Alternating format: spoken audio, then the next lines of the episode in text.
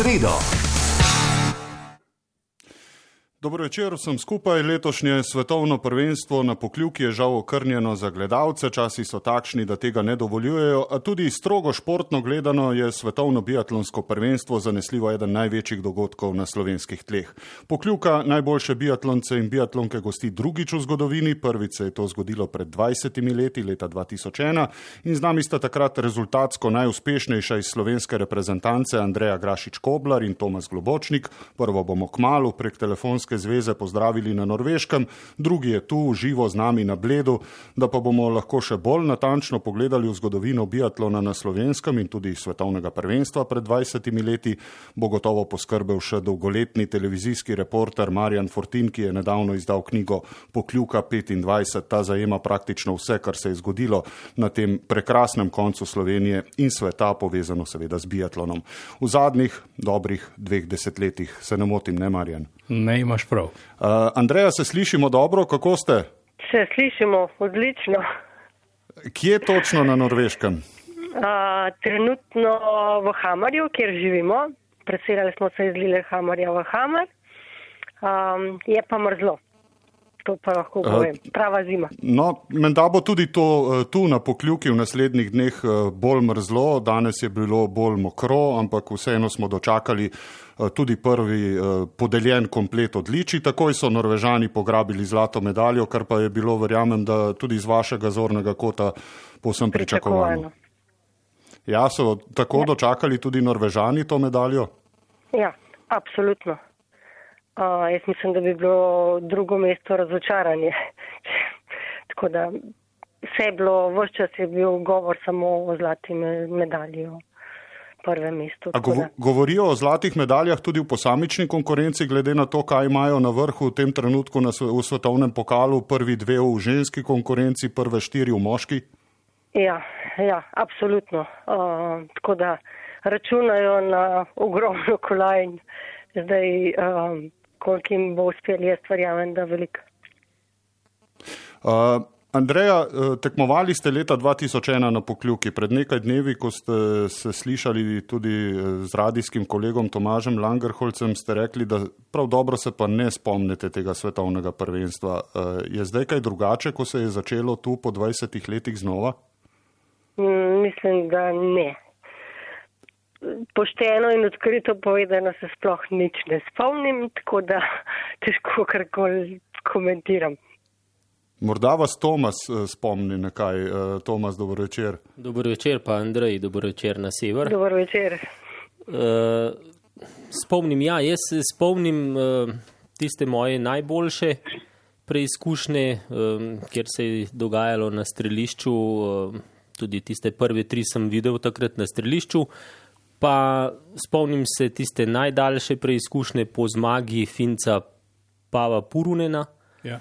in njegovega slavja na, na kontejnerju za stavo in vse finske uh, ekipe takrat. Uh, tako da pa spomnim se seveda zaradi tega, ker se mi je čez, se pravi, to je bilo konec februarja, 1. marca pa rodil prvi sin, tako da takrat je bila žena na pokljuki zraven noseča. Tako da to so tisti spomini, zdaj čist podrobnosti, ko so me danes uh, pokazali na televiziji, da sem na 20 km v šestih zgrešil, tega se pa res ne spomnim. Andreja, vi se spomnite, da ste zgrešili prva dva na najdaljši preizkušnji, eh, kjer ste bili sedmi? Ne, ne. Enostavno. Prav res, prav res nič se prav ne spomnite. Popolnoma nič, nič, ampak dobesedno nič se ne spomnim. Da, ne bo prav držalo, um, lepo zdrav Andrej, tudi z moje strani, zdrav Andreja.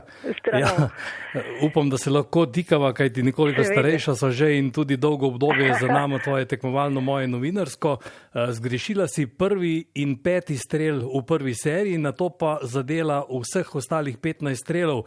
Če, da te spomnim, če bi takrat uh, zadela en strel manj, bi imela bronasto odličje, če bi šla z ničlo skozi tekmo, pa bi bila celo zlata. Bo.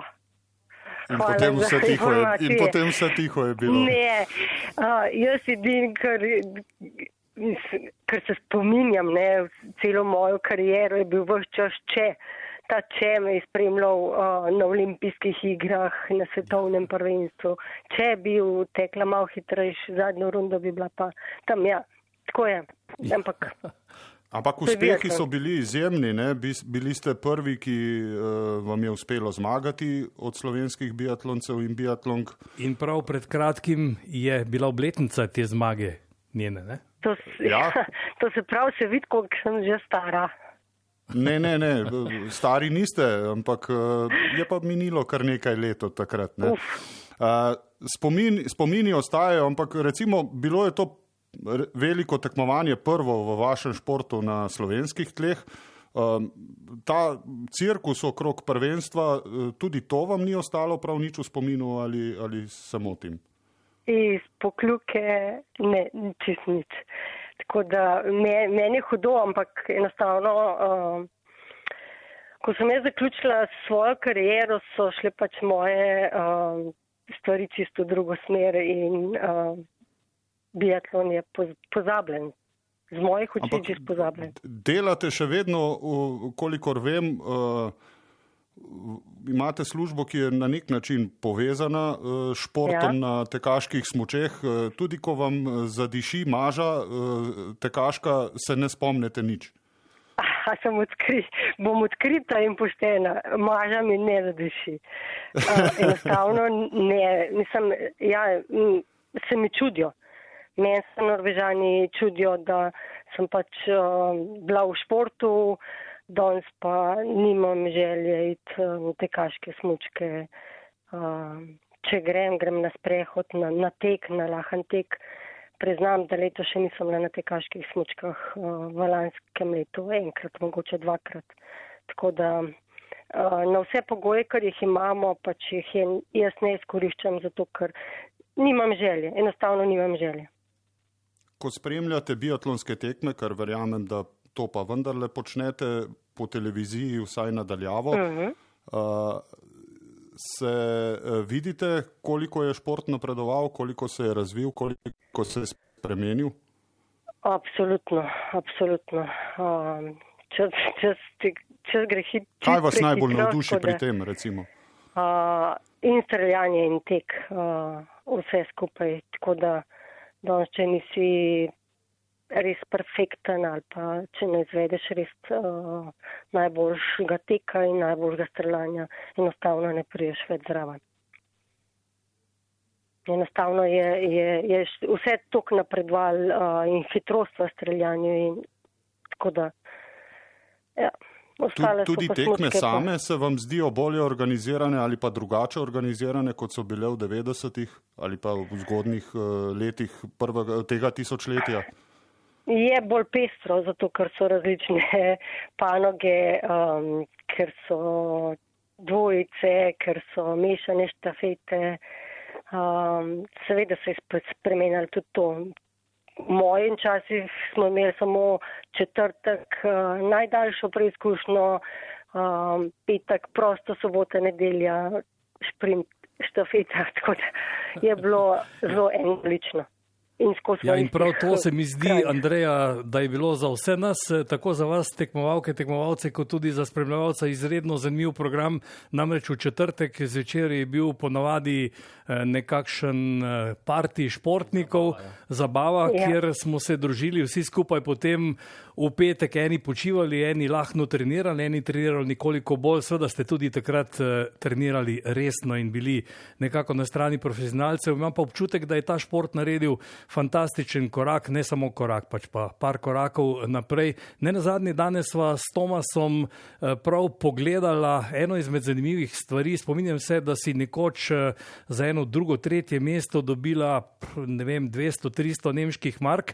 Danes zmagovalec tega svetovnega prvenstva dobi tule na pokljuki 25 tisoč evrov. Velika razlika. Ja. Ja, to, so, to so drugi časi. Ja. To, pa tudi, ko smo, Andreja, še leto, dve pred menoj, potem pa jaz za njo. Ko smo začeli, eh, Andreja se bo spomnila, takrat Vladimir Korolkovič, to je bil model streljanja 45 sekund.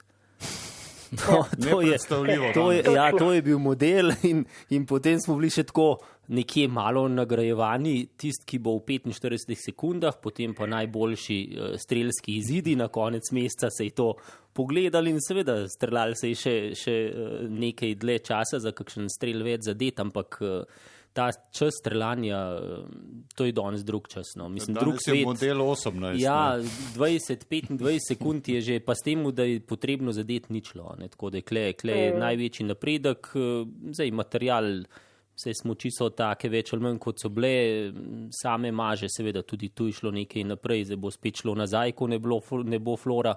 Um, pa trening, eh, predvsem tudi, ko zdaj gledam nazaj te posnetke naše, tako nekako bolj mehko delujemo, veliko bolj se zvijamo, se pravi, eh, ta, ta kor, eh, cel del telesa, vse je bolj, bolj kompaktno, bolj trdo in seveda tudi tu napredek potem v teku.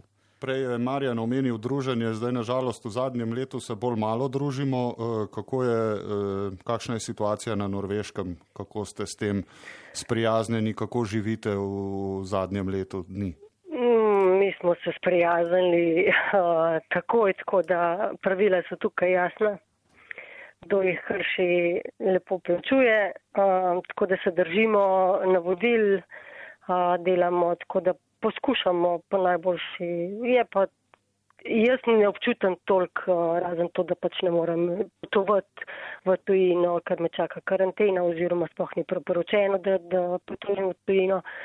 Uh, bolj se mi smilijo otroci, no, otroci uh, glede njihovega športa in um, zaenkrat so samo treningi, tekam nimajo nič, tako da, ja. Ampak, Ampak treningi preko zuma ali v živo vendarle? Prosim? Treningi preko Zuma oziroma kakšne od aplikacij ali vendar ne v živo v stiku s trenerjem? So, so na treningih normalno. Ja, smo imeli tudi, če pride vem, preveč okuženih v mesto, se mesto zapre, se šola ustav oziroma je šola v doma, treningi prekinjeni, ko se stanje spet umiri, se spet vse odpre. Tako da, ja, trenutno trenirate normalno, vse poteka dokaj normalno, je pa problem tam Oslo, Bergen, te ta velika mesta so kar problematične. Ne? Andreja, najlepša hvala, ker ste se oglasili, uh, delili z nami sicer uh, slabe spomine, ampak mislim, uh, malo spominov, uh, vedno so lepi, ampak verjamem, da bodo privreli tudi nekoč na dan znova. Ne? Mogoče. Hvala Mogoče. tudi vam, uh, lepo se imejte, lep večer še naprej. Enako pozdrav na Norveško, mi pa nadaljujemo pogovor s Tomasom Globočnikom, ki si uh, je več zapomnil od tega svetovnega prvenstva, da ne bomo preveč odtavali, pa se vrnili k COVID-u, o katerem bomo tako in tako govorili, kar zaznamuje to prvenstvo, prvenstvo leta 2021. Uh, Bilo je veliko gledalcev, ne? leta 2001. Eh, šport je bil razmeroma slovencem eh, nepoznan ali pa ne blizu. Eh, ja, ja, točno tako in glede na to, da ne poznan, ne blizu, kaj ti tekmovanja svetovni pokali pred tem svetovnim prvenstvom, Marjan se bo tudi bolje spomnil, par tisoč ljudi. Tako da tisto svetovno prvenstvo pa res presenečenje. No? Meni se je zdelo res veliko gledalcev. Pravzaprav je tako. Ne? Nemški del eh, svetovnih pokalov je imel tisto svojo publiko, ki jo ima, ne v takšnem obsegu kot danes. Kot Zdaj je 15, 20, 25 tisoč, vendar pa tistih 10, 12 tisoč gledalcev, 15, mogoče tudi Rupolnik in Oberhof, je imel. Antholz nekoliko manj, daleč od tega se spominjam uh, recimo prvih uh, tekem v Hochfilsnu, kjer se zdaj zbira po 15-20 tisoč ljudi na dan. Takrat vem, da smo še s pokojnim Henrikom Ibelajsom in uh, našim radijskim kolegom uh, Zdenkom Fajdigo prav prešteli ljudi, bilo jih je 12 na eni tekmi, pa pogledajte, kam je eh, šel eh, ta razvoj. No, tudi takrat. Imaš občutek, da se selijo ti ljudje tako malo eh, po valovih, recimo, kar zadeva naraščanje števila gledalcev po teh prizoriščih, ki so ja. bolj ali manj tradicionalne. Biatlon pridobiva, to je dejstvo. Zelo, zelo pomembne stvari so v biatlonu, kar se tiče gledalcev. Namreč termin, ki ga normalno ima pokljuka v decembru, ni dober. To je predbožični, prednovoletni termin, ko tujci ne prihajajo. Prihajajo pa zato recimo na uh, Hochfilzen, ki je prva tekma uh, po skandinavskih tekmah, se pravi, tam je veliko ne italijanov, ampak uh, recimo, uh, ne vem, Francozov tudi v zadnjem času, pa Nemcev, predvsem Nemci so sploh neka biatlonska nacija, ki obiskuje in zanimivo, biatlonski gledalci so praviloma nekje stari med, da ja bom, med 40 in 65-70 let. Zelo, zelo zanimiva publika je to, publika, ki potrebuje harmoniko, pa kozarec piva in publika, ki je pripravljena stati, eh, Tomas eh, bo vedel in ja, tudi in kolegi z radio, ure in ure prihajajo na stadion zjutraj ob desetih, tekma popovdne ob treh in neverjetno je, kako uživajo v tem družabnem dogodku, ne samo športnem, temveč družabnem. Zdaj, imeli so si roke, ne, leta 2018, ko nikomor ni padlo na pamet, eh, kaj se bo zgodilo leta 2020 in nadaljevalo v letu 2021, ko so Tjumnu vzeli svetovno prvenstvo, um, ga potem skoraj da soglasno um, dali pokljuki, ki je kandidirala, da prevzame um, mesto ruskega organizatorja, ki je bil pod kaznijo oziroma celoten ruski šport pod kaznijo zaradi dopinških uh, sistematskih kršitev.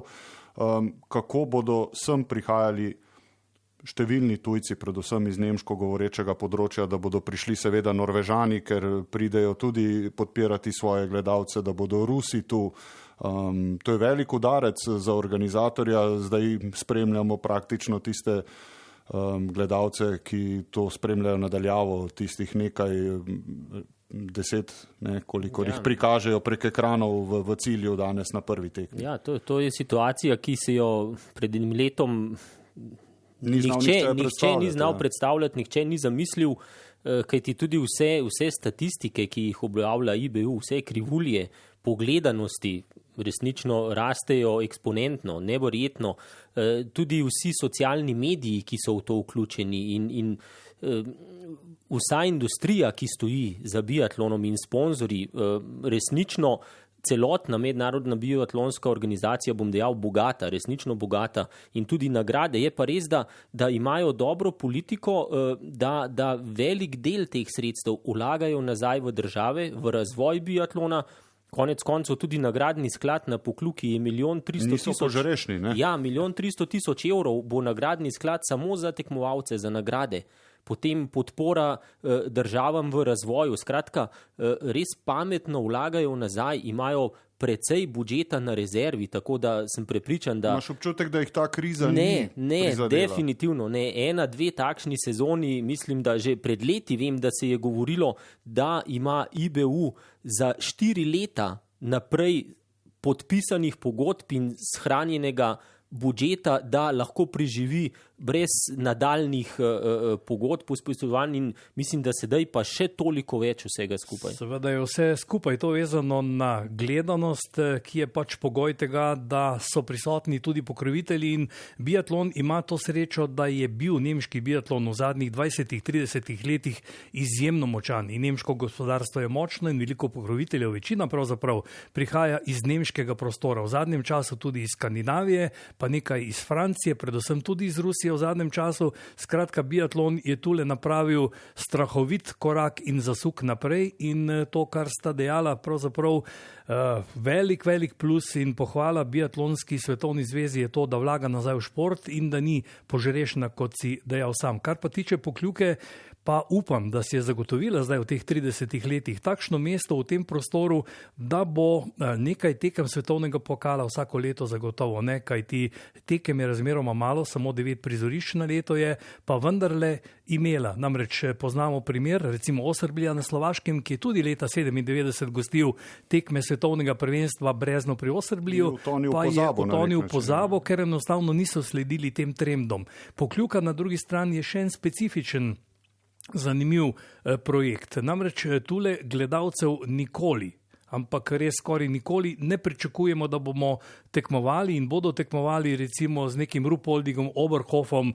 ali pa ruskimi prizorišči, novim mestom v zadnjem času in tako naprej. Kaj ti prizorišče je zares unikatno v svetovnem merilu, gre za področje Triglavskega narodnega parka in predvsem tisti, tu pa so skandinavci, tisti, ki na to gledajo izjemno eh, pozitivno, so navdušeni nad tem. Namreč, da se da pripraviti tudi velik, največji športni dogodek, kot je svetovno prvenstvo ali svetovni pokal, tudi v takšnem varovanem okolju. Skratka, Hočeš reči, da ima na nek način pokljuka zdaj srečo, da, je, da, da, tudi, da so skandinavci na čelu Mednarodne biatlonske zveze, prej Norvežan, zdaj ja, šved? Mislim, da in ko sem se veliko pogovarjal tudi ob tem, ko sem pripravljal to knjigo, Eh, s tujimi tekmovalci, trenerji, spremljevalci, serviserji, skratka z vsemi, so vsi na veliko hvalili prav to, da je eh, eh, natura, narava, tako čudovita, kot je. In skandinavci, ki so navajeni tudi teči sami, vzameš smoči, stopiš na nje in tečeš,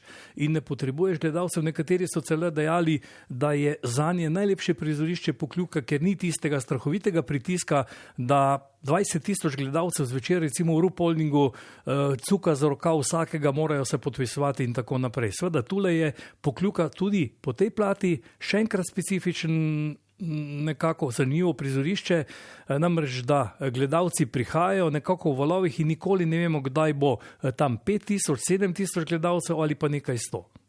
Uh morda težava, ne, ena od tistih, ki jo vidijo in eh, vidimo ne, v, v teh letih, odkar je svetovni pokal na pokljuki, predvsem to, da je precej dolga, relativno dolga vožnja od Bleda do pokljuke, Bleda kot nekakšnega središča, kjer je večina reprezentanc na stani in da ta cesta ni udobna, ne, ker je pač gorska cesta na nek način oska. Eh, danes smo se vozili v močnem sneženju, smo ugotovili, da, da pot zna trajati še precej dlje uh, v dolino. Uh, ampak, uh, ker raje vedno gledamo sosedove vrte.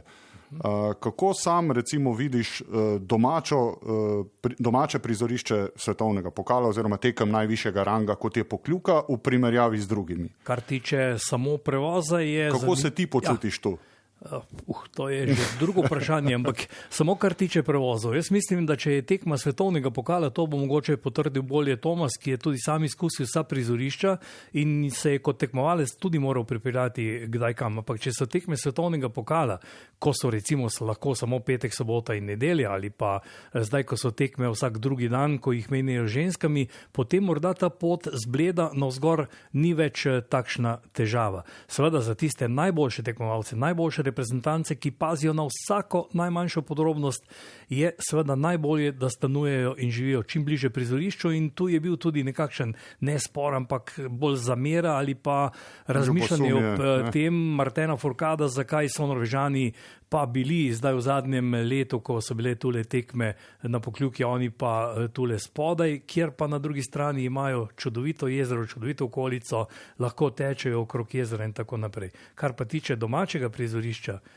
In pa eh, seveda dela eh, na tem prizorišču je pa tako, ne vedno si želimo, da ugodimo eh, tujcem, da jim pokažemo vse lepote Slovenije, predvsem pa našo gostoljubnost in domačnost in upam, da bo na tem prizorišču tudi tako. Ne. O, napo o, o napornosti drugi, ja. bomo še nekoliko kasneje, ker gre res za velik projekt tudi naše hiše, ne, predvsem televizijski del, ker gre signal v države s 150 milijonskim auditorijem, ne, kolikor si predstavlja zdaj v tem trenutku Mednarodna biatlonska zveza, da nekak, nekako doseže, doseže ja. uh, z samim svetovnim prvenstvom. Uh, Tomas, uh, sej ne na zadnje si kolega uh, kot strokovni komentator, seveda, pa, bom, pa bom tudi tikal. Uh, kako uh, ti vidiš pokljuko v primerjavi z drugimi, s tistim, kar si doživel, pa recimo v, v, v tvojih časih, ne, tekmovalnih? Pred dobrim desetletjem in pol. Recimo, desetletjem in pol. Pokluka je, je tista domača.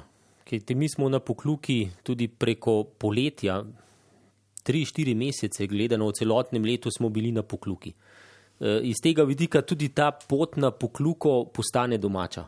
To ne, ne razmišljaš, kako dolgo, enostavno si jo navajen, vendar pa tudi druge po svetu, morda razmik desetih, petnajstih minut, vendar pa eh, tu govoriti, da pa je to čisto nekaj drugega. Ja, je gorska cesta, je bistveno bolj zavita, eh, vendar pa mislim, da to ni tisti bistveni vidik, da bi eh, ta pot na pokluko jo nekako dajala v tisti drugi rang ali kakorkoli proti ostalim prizoriščem. Je pa to nek unikum. Vedno je bila, vedno bo, eh, kaj ti primerjati to z Oberhofom, z Rupoldingom, kaj ti tam tudi vsa logistika bistveno lažja. Prvič tu Triglavski narodni park, ki ima seveda svoje prednosti, ki jih, tako kot je dejal Marjan, predvsem skandinavci nazaj k naravi, bistveno bolj cenijo in to je velik plus, ki ga je potrebno seveda izkoristiti. Uh, tako da ostali centri imajo iz tega logističnega vidika bistveno boljše možnosti za širitev.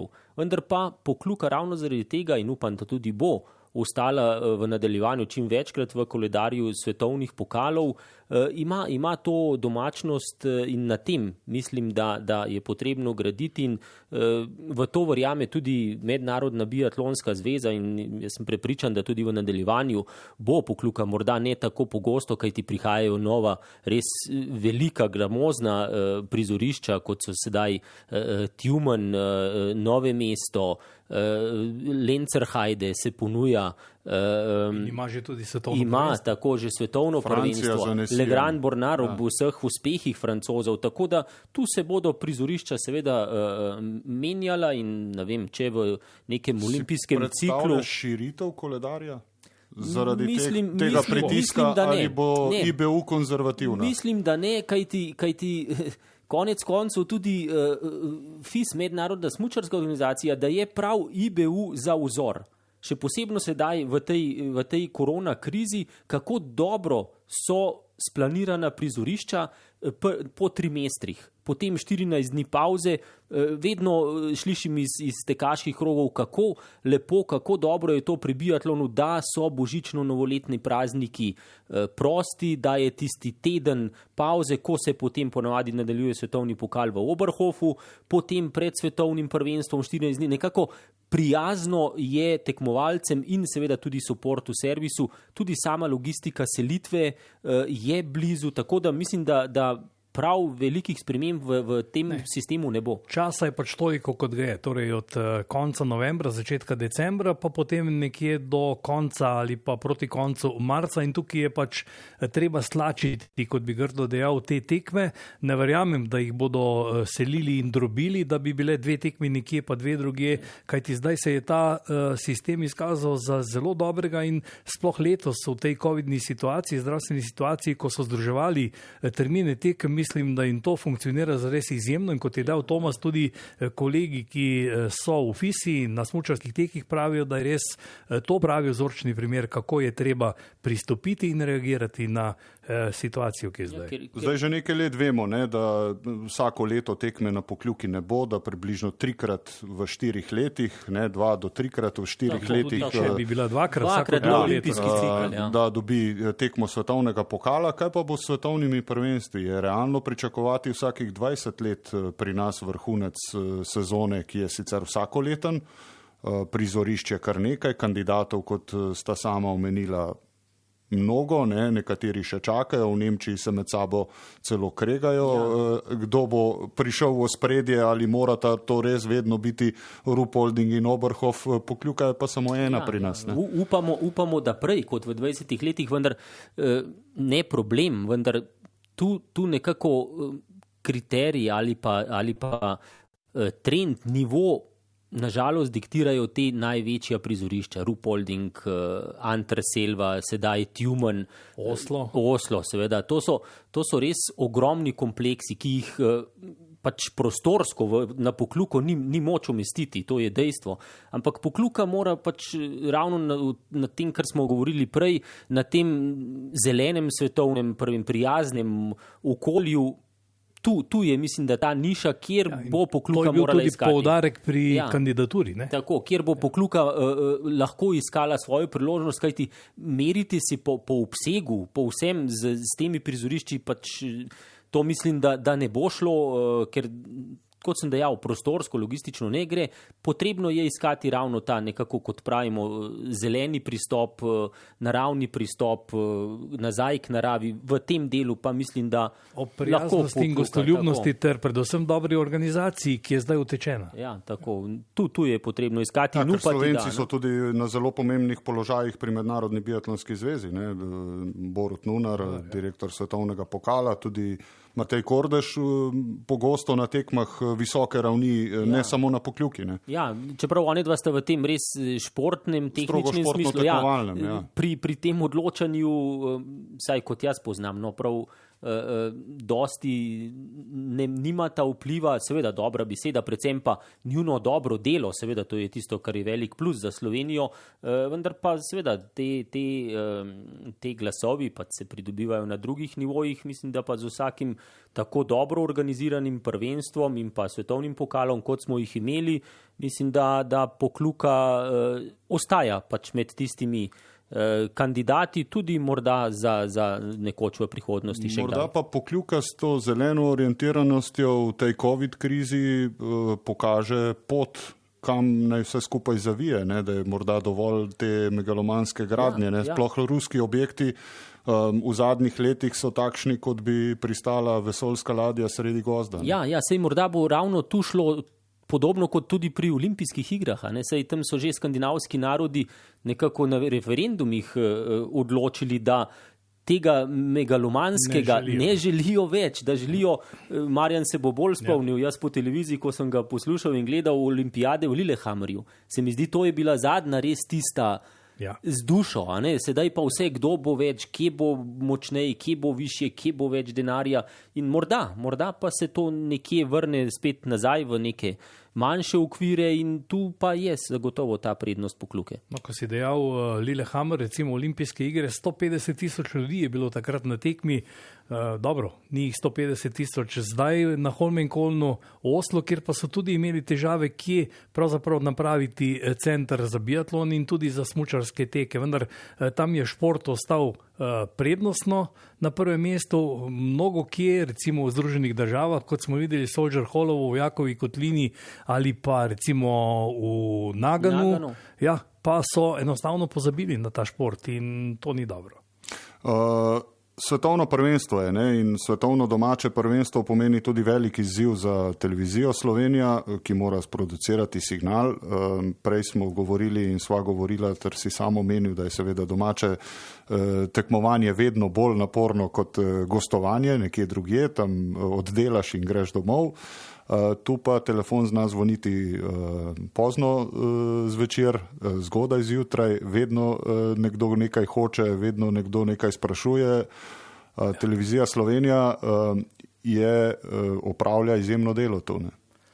Ja, upam, da ga bomo, ne? šele začeli smo ga pravzaprav. Verjamem, da ste utečeni in da bo vse skupaj pa, Če se vrnem ne? nazaj na tisto svetovno prvenstvo, s katerim smo začeli, ta je naš eh, luškan pogovor eh, leta 2001, takrat eh, je televizija Slovenija dobila posebno priznanje Mednarodne biatlonske zveze za res izjemno dobre prenose biatlonskih tekmovanj, kar je bilo za nas res lepo priznanje, kasneje tudi na svetovnih pokalih, seveda na biatlonu Uh, biatlon je pač tak šport, da so napake prisotne, kaj ti biatlonu nikoli ne veš, kdo bo uh, od spredju, kdo recimo ne bo in težko je pravzaprav vse skupaj spremljati. Kar pa tiče tega svetovnega prvenstva, mislim, da je eh, naloga televizije Slovenija kot proizvajalca tako imenovanega mednarodnega signala ali multisignala, kot ga mi, uh, pra, kot mu mi pravimo, tokrat veliko, veliko bolj zahtevna, kot je bila in bi bila, če bi bilo prvenstvo izvedeno z gledalci. Zakaj? Seveda bi uh, tule bilo tistih recimo 130 tisoč gledalcev in bi še vedno uh, več eh, milijonov, desetine milijonov gledalcev gledalo to televizijo, ampak mislim, da je zdaj tudi naš občutek in tudi odgovornost veliko večja, kajti gledalcev tule ni in praktično smo mi tista podaljšana roka tega tekmovanja in brez televizije si praktično ne zamišljam, ne samo naše, katere koli, ki bi spremljala ta dogodek, da bi dogodek dobil določeno publiciteto, ki pa jo šport mora imeti, kajti športniki so tudi zaradi gledalcev in pa eh, tudi obratno. Skratka, velika odgovornost je pred nami. Mislim, da so se kolegi, ki pripravljajo ta multisignal, pripravili izjemno, izjemno dobro. Da smo vložili vse možne razpožljive sile v ta projekt, in upam, da bomo zmogli v tej težki zdravstveni situaciji, kajti tudi tukaj smo praktično na testiranju vsak drugi dan ali še bolj pogosto in da bomo imeli tudi nekaj primerov in ne vem, kako se bo to zapeljalo. Upajmo, da bo vse v redu in da bo šlo to do konca. Skratka, projekt moramo spraviti pod streho na zadovoljstvo vseh, najprej športnikov in športnic, potem tistih, ki so se trudili leto, dve, tri, da so pripravili to prvenstvo in ne na zadnje tudi gledalcev in gledalk širom po svetu, da si sam uh, ocenjujemo celo, da naj bi si uh, te tekme ogledalo kar okrog 170 milijonov gledalcev in uh, vsaj za danes lahko rečem, da smo s prvim dnem izjemno, izjemno zadovoljni. Kaj nudite drugačnega oziroma v televizijskem signalu v primerjavi recimo s zadnjim svetovnim pokalom na pokljuki? Kaj je novost? Tokrat? Ja zanimivo razmišljanje je pred dnevi napisal vodja tega našega projekta, Zvezdan Martič, ko je dejal, da nekako nogometne tekme spremljamo z desetimi kamerami, zdaj zaokrožujem, seveda in posplošujem. V planici ali na tekmi svetovnega pokala v Avski smučanju delamo z 20 kamerami, tule pa naša televizija spremlja dogajanje s kar 44 kamerami. Skratka, toliko kamer na prvenstvo doslej še nismo imeli in praktično so zares naši kolegi iz eh, tehnike postrgali vse možne kapacitete, tako kamer kot tudi ljudi, ki delajo na tem projektu. In če boste pozorno opazovali, potem eh, so zares kamere ne samo tiste statične, ki jih vidimo in pač poznamo, ampak to, so, to je posebna kamera na dolgi žici, ki spremlja tekmovalca kamere za počasne posnetke, kamere, ki pokažejo, če ste gledali danes ali spremljate kamere te... na motornih saneh. Absolutno. Pa, pa te super um, počasni ja. posnetki. Tudi Tomas se je sam zapeljal s posebno kamero pred tem in predstavil progo z eno prav posebno kamero, ki ti pričara vzdušje, kot ga vidi tekmovalec, ki na progi skratka poizkušali smo zares uh, ujeti vsak uh, trenutek. Seveda pa je vsaka tekma, ampak res, vsaka tekma je nekaj posebnega v biatlonu, nobena nobeni ni enaka, podobna morda že in vsaka prinaša veliko presenečen, na katere je treba biti prvič pripravljen, drugič pa je treba znati odreagirati in mislim, da so naši kolegi na čelo z režiserjem Dejanom Čretnikom, ki je prav na svetovnem prvenstvu leta 2001 debitiral pred 20 leti, zdaj tako izkušeni in tudi izkušeni seveda z ostalih velikih športnih projektov, kot so recimo Planica ali pa Kranska gora, Eh, pa recimo Maribor. Igre, tudi producirajo kdaj tako, signale, tako, izkuš, tako, tako, ja, tako izkušeni, eh, da uh, skrbi, da bi bilo po tej plati kaj narobe, niso, da pa se lahko zmeraj kaj zgodi. Koliko gledalcev Tomas uh, bi pričakoval tu, če ne bi bilo COVID-a? Ker to je zanimivo vedno bilo, eh, ne glede na rezultate, ne, Jakova Faka v zadnjem obdobju, eh, je bilo težko reči, aha, danes bo pa ne vem, ja, 5000, ja, ja. 7000, 10 tisoč gledalcev, ker je Jaka ja. dober v tej disciplini. Tudi to je unikum pokljuke. Nihče pa, pa se je organizator, veliko smo se pogovarjali takole ob večerjih. Eh, resnično so so, so poizkušali različna eh, pristope, pristope ja. pakete, eh, vabila. Hodili po svetu. Hodili tako, ampak ja. nihče nikoli ni, ni uspel zadeti koliko in včasih presenečeni v plus, včasih tudi v minus. E, tako da sam po, mislim, po svojem mnenju, jaz mislim, da tu bi bilo. Uh, glede na, na, na trenuten trend, na trenutno popularnost biatlona v, v svetu, ne vem, mislim, da 20 ali še celo več tisoč gledalcev na tekmi. Ja, jaz tak. imam občutek, saj 15 tisoč, da bi bilo gledalcev po tekmi. No, zdaj veliko govorimo, prosti, ne? E, tudi o tem, kakšna je gledanost po svetu. Prav danes sem se pogovarjal z nemškim kolegom, ki seveda dobro pozna razmere v Nemčiji, e, bolje od e, mene, in sem ga vprašal, kako popularen je v tem trenutku nemški biatlonski šport v Nemčiji, pa vemo zdaj, da Nemci niso tako dobri, kot ja. so bili še pred par leti. Skratka, uh, vemo, kaj se je dogajalo v njihovih smučarskih skokih, takrat, ko sta bila tam odlična Schmidt in Hanavalt in potem, ko sta padla v formi, je tudi njihova gledanost silno padla. Skratka, Nemci so zelo občutljivi na to in mi je dejal, da si ne upa staviti, ali je v tem trenutku bolj popularen biatlon ali smučarski skoki, skratka tu nekje pravi. Medtem ko pa kolega iz Norveške pa mi je danes prav na to temo, prav pogovarjali smo se v tiskovnem središču, tako le na hitro, eh, pa dejal, da tu pa dileme praktično ni. Biatlon, smučarski teki in eh, tako naprej. Na češkem, kar je pa za mene še večje presenečenje, so pa naredili v zadnjih letih takšen boom v gledanosti, da je biatlon prehitel celo hokej, njihov tradicionalno najboljši šport. Ali pa v Avstriji pred leti ja. Toma se bo spomnil. Se jim pozna, da so zdaj recimo leto, leto pa ja. pol eh, praktično brez uspehov? Ali pa brez večjih zaenkrat, ne, zaenkrat, če ne. 15-članska e, ekipa češke televizije je tule kljub temu, recimo, da je ta zdravstvena situacija. In vprašal sem danes kolego, ki dela prispevke za češko televizijo, koliko pa vas bi bilo sicer, pa je del 45. Ne, tule so bili e, prijavljeni in pripravljeni številni recimo posebni avtomobili, reportažni avtomobili, tule Nemci so dobili prepoved, nemška nacionalna televizija, RD in CDF, da tule eh, ne sodelujejo z njihovimi komentatorji, imajo pa zato seveda posebne ekipe, eh, ki pošiljajo poročila, delajo izjave in tako naprej, studio pa delajo potem v Kelnu ali manjcev, odvisno od tega, kdo to dela. Skratka, poizkušajo pač eh, narediti iz tega, eh, kar se eh, da nekako, ampak na drugi strani, tule, če ne bi bilo te zdravstvene situacije, potem bi bile tule ekipe, recimo, prvič Nemčije, potem zdaj v zadnjem času vse bolj eh, Francije, tam je francoska televizijska ekipa Lekip napravila izreden preboj, ki ga predtem tudi z znamenitim Rafaelom Poirem in ostalimi hmm. ni bilo in ga niso mogli. Potem je tule Švedska. Švedska bi prišla s svojim reportažnim avtomobilom. Zakaj? Zato, da postavi recimo 3-4 kamere še dodatno in potem jemlje naš signal iz teh 44 kamer, kot sem omenil, in potem bogati, seveda, da kaže več svoje tekmovalce, oziroma vsaj svoje izjave dela neposredno. Tako pa si pomagajo samo pač z eno kamero, ki je v tako imenovani mix coni ali mm. mešani coni in vse skupaj delajo v glavnem od doma. Skratka, tule bi bilo zares ogromno, ogromno zanimanja teh televizijskih in tudi radijskih postaj. No, eh, če dopolnim še Marjana, kaj ti uh, po Kontiju Lahtiju, uh, ko so Švedi resnično eksplodirali, ja. sem zasledil v njihovih medijih, da so beležili rekord, absolutni rekord gledanosti zimskega športa. Mislim, da je bilo objavljeno, da je v enem trenutku gledalo več kot milijon pa pol gledalcev. Takrat, ko je bila zasledovalna tekma, ko je zmagal Ponsilvoma, in potem še Hanna Eberg naslednji dan, skratka, da so presegli tudi tradicionalno najbolj gledane tekme smučarskega teka. No in zdaj, ko si omenil še te procente, so tudi zelo zanimivi.